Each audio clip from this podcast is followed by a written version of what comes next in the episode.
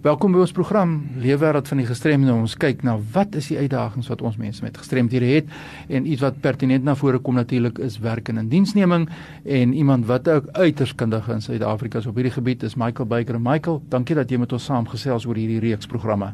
Thank you. I'm honored to be here today and in the series of programs. It's very exciting for me. Thank you. Michael, om kort te wees, som vir ons op die advertensieproses wat ons in die vorige program oor gesels het, adverts and issues that still applicable as far as that is concerned. And what is your final message about the advertising process? Yeah, advertising is is a problem area for employers, and I had suggested that employers rather get hold of the players in the disability sector or even an employment agency. It's much safer, it's much much neater, and you actually then try and attract the correct people, whether it's from the disability or the abled community. You get better results like that way instead of putting an advert, for instance, in a in a national newspaper. We then did carry on and start speaking about the interview process, and that's a very interesting and also a vexed process. And we didn't touch on the fact that there might be bias in the interview itself uh, where people sitting opposite you and, and discussing with you, they might throw horrible questions at you and say, look, you've got a hearing disability or a sight disability. You're never going to be able to cope with the job. How can you convince us that you will? I think you need to tackle that with an open mind as the person with the disability and, and actually speak to people and explain how you can be easily accommodated, very cheaply so, and how you are willing to become the model employee that everyone wants to have. And so I, I don't think it's a, a problem if they come across as being a little bit aggressive in tackling your disability. It's better to have it on the table than to have it unknown because then what will happen is the people who are discriminatory wouldn't have had their questions answered and then they go home still with the impression that they don't want someone with that disability. So I'd rather put it up front, put it on the table, and say, let's discuss it. It's sometimes uncomfortable for the person with the disability to hear it. Um, I know that it's uncomfortable for many of the employers. They know that the person's got a disability and they are scared, quite frankly, to actually even mention it in case you feel that they are being discriminatory. So I think you, as their future employee, you put it on the table. You say, I've got a problem, and that problem can be solved by both of us working together, and that becomes a lot easier. And that's where assertiveness comes in. Because if I go to an interview, I must explain that I'm a person that's deaf. And I must explain it, what is my accommodational needs, and I'm not a person using sign language. I'm using my voice and I'm, I'm not I'm using a lip speaker. And I must make information available to be more assertive so that the employer can understand what my reasonable accommodation needs is or is all about. And that is what what we also have a responsibility in the process preparing our persons with disabilities to be able to be assertive in the situation. Do you agree with that? Well, absolutely. So let's pretend I'm the employer and I'm speaking to you.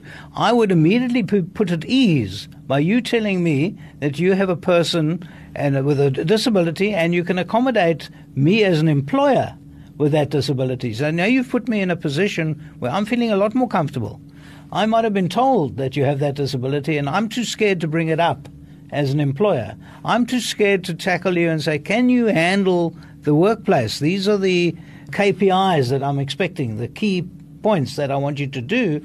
I'm too scared to actually say that to you because I don't want to come across as being an ogre, a terrible person. So you now bringing it to the table, and then we can have that discussion where I'm saying to you, this is fantastic.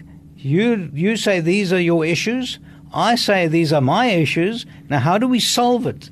How do we become a joint problem solving exercise. Absolutely. Maar wat maak ons nou as mense voor die tyd besluit? Maar ek gaan nie vir jou nooi na 'n interview nie. I'm not going to invite you to the interview because you are a person in my case for example deaf. I don't understand your needs, but I just say I'm not going to um, invite you. What is the employer or the potential employee do in that circumstances? Well, yes. I mean, obviously, many employers don't even do it out of nastiness. They're just too scared. They're just saying, whoa, how can we handle people who are in a wheelchair? That's right. And they're too scared and they say, what happens if he falls down the steps and what happens this and that? And they're just too scared. We need to be able to get a message out there saying we must cure that fear first If they're still insisting on not having you, we must try and get an understanding why they're not bringing you in, because then you've got a claim. And that claim, I, I'm happy to take that on myself, but that claim is a very good claim because we need to, not for you, not for the individual who's applying, we need to tackle those employers and say, we've got to send a message out there saying this is a community that mustn't be pushed around. We mustn't be beaten up. We are in a community that has equal rights in South Africa today, and it is a new South Africa, and the new South Africa says everyone has equal rights. Doesn't matter what your disability, your skin color, your religion, whether you're short or tall, you have equal rights. And those rights need to be implemented. So if you feel that someone is somehow discriminating against you, then we must take it up. And it can be directly or indirectly. Absolutely, because many employers won't be bold enough to say, I don't want you because you're in a wheelchair. No one will actually say that because they know that the repercussions. The indirect is, well, hold on, we don't want to speak to you anymore. Why? No, we can't tell you anymore. And that's the problem. Now, is there any other aspects you want to add to that process of interview and uh, accessing the, yes, absolutely. The day of getting an opportunity on an equal basis to get access to that job? Yeah, I, I do want to, and that is the accommodation.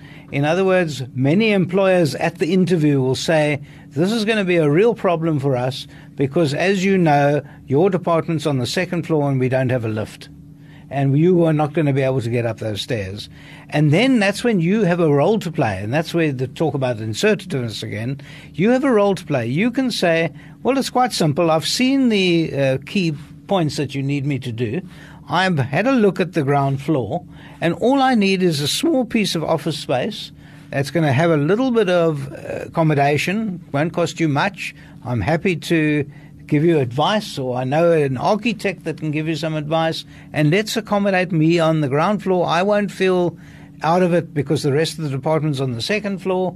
I'm happy to do it. Many employers would then applaud that and say, well, actually, maybe we can move your department down to the ground floor and the other department upstairs. It's not an expensive business and it doesn't take time. All it takes is talking and ability to be able to get your point across. And I know many of the people in the disabled community immediately shrink up and say, well, if you can't accommodate me, cheers, I'm out of here. Don't do that. Let's talk. And most employers are feeling that they need to bring in people with disabilities, not only for their own good, but for the good of the rest of the staff. If I can say this way, uh, there's actually the regional accommodation process is an interaction and a contract between the two parties getting consensus on accommodation on the way forward in terms of what the legislation provides for us. Is that true? That is correct, and I think in the next program we must talk about one or two actual court cases where Absolutely. the judges put their mind to the accommodation. I can't wait. Next program, two court cases. Please, Michael, give us some background, practical advice on that. And also, you please send SMSs or emails to us, and we if we finish with one aspect, we'll always come back in this series in dealing with questions that comes up as we go along. Michael, where do I get your uh, your contact particulars?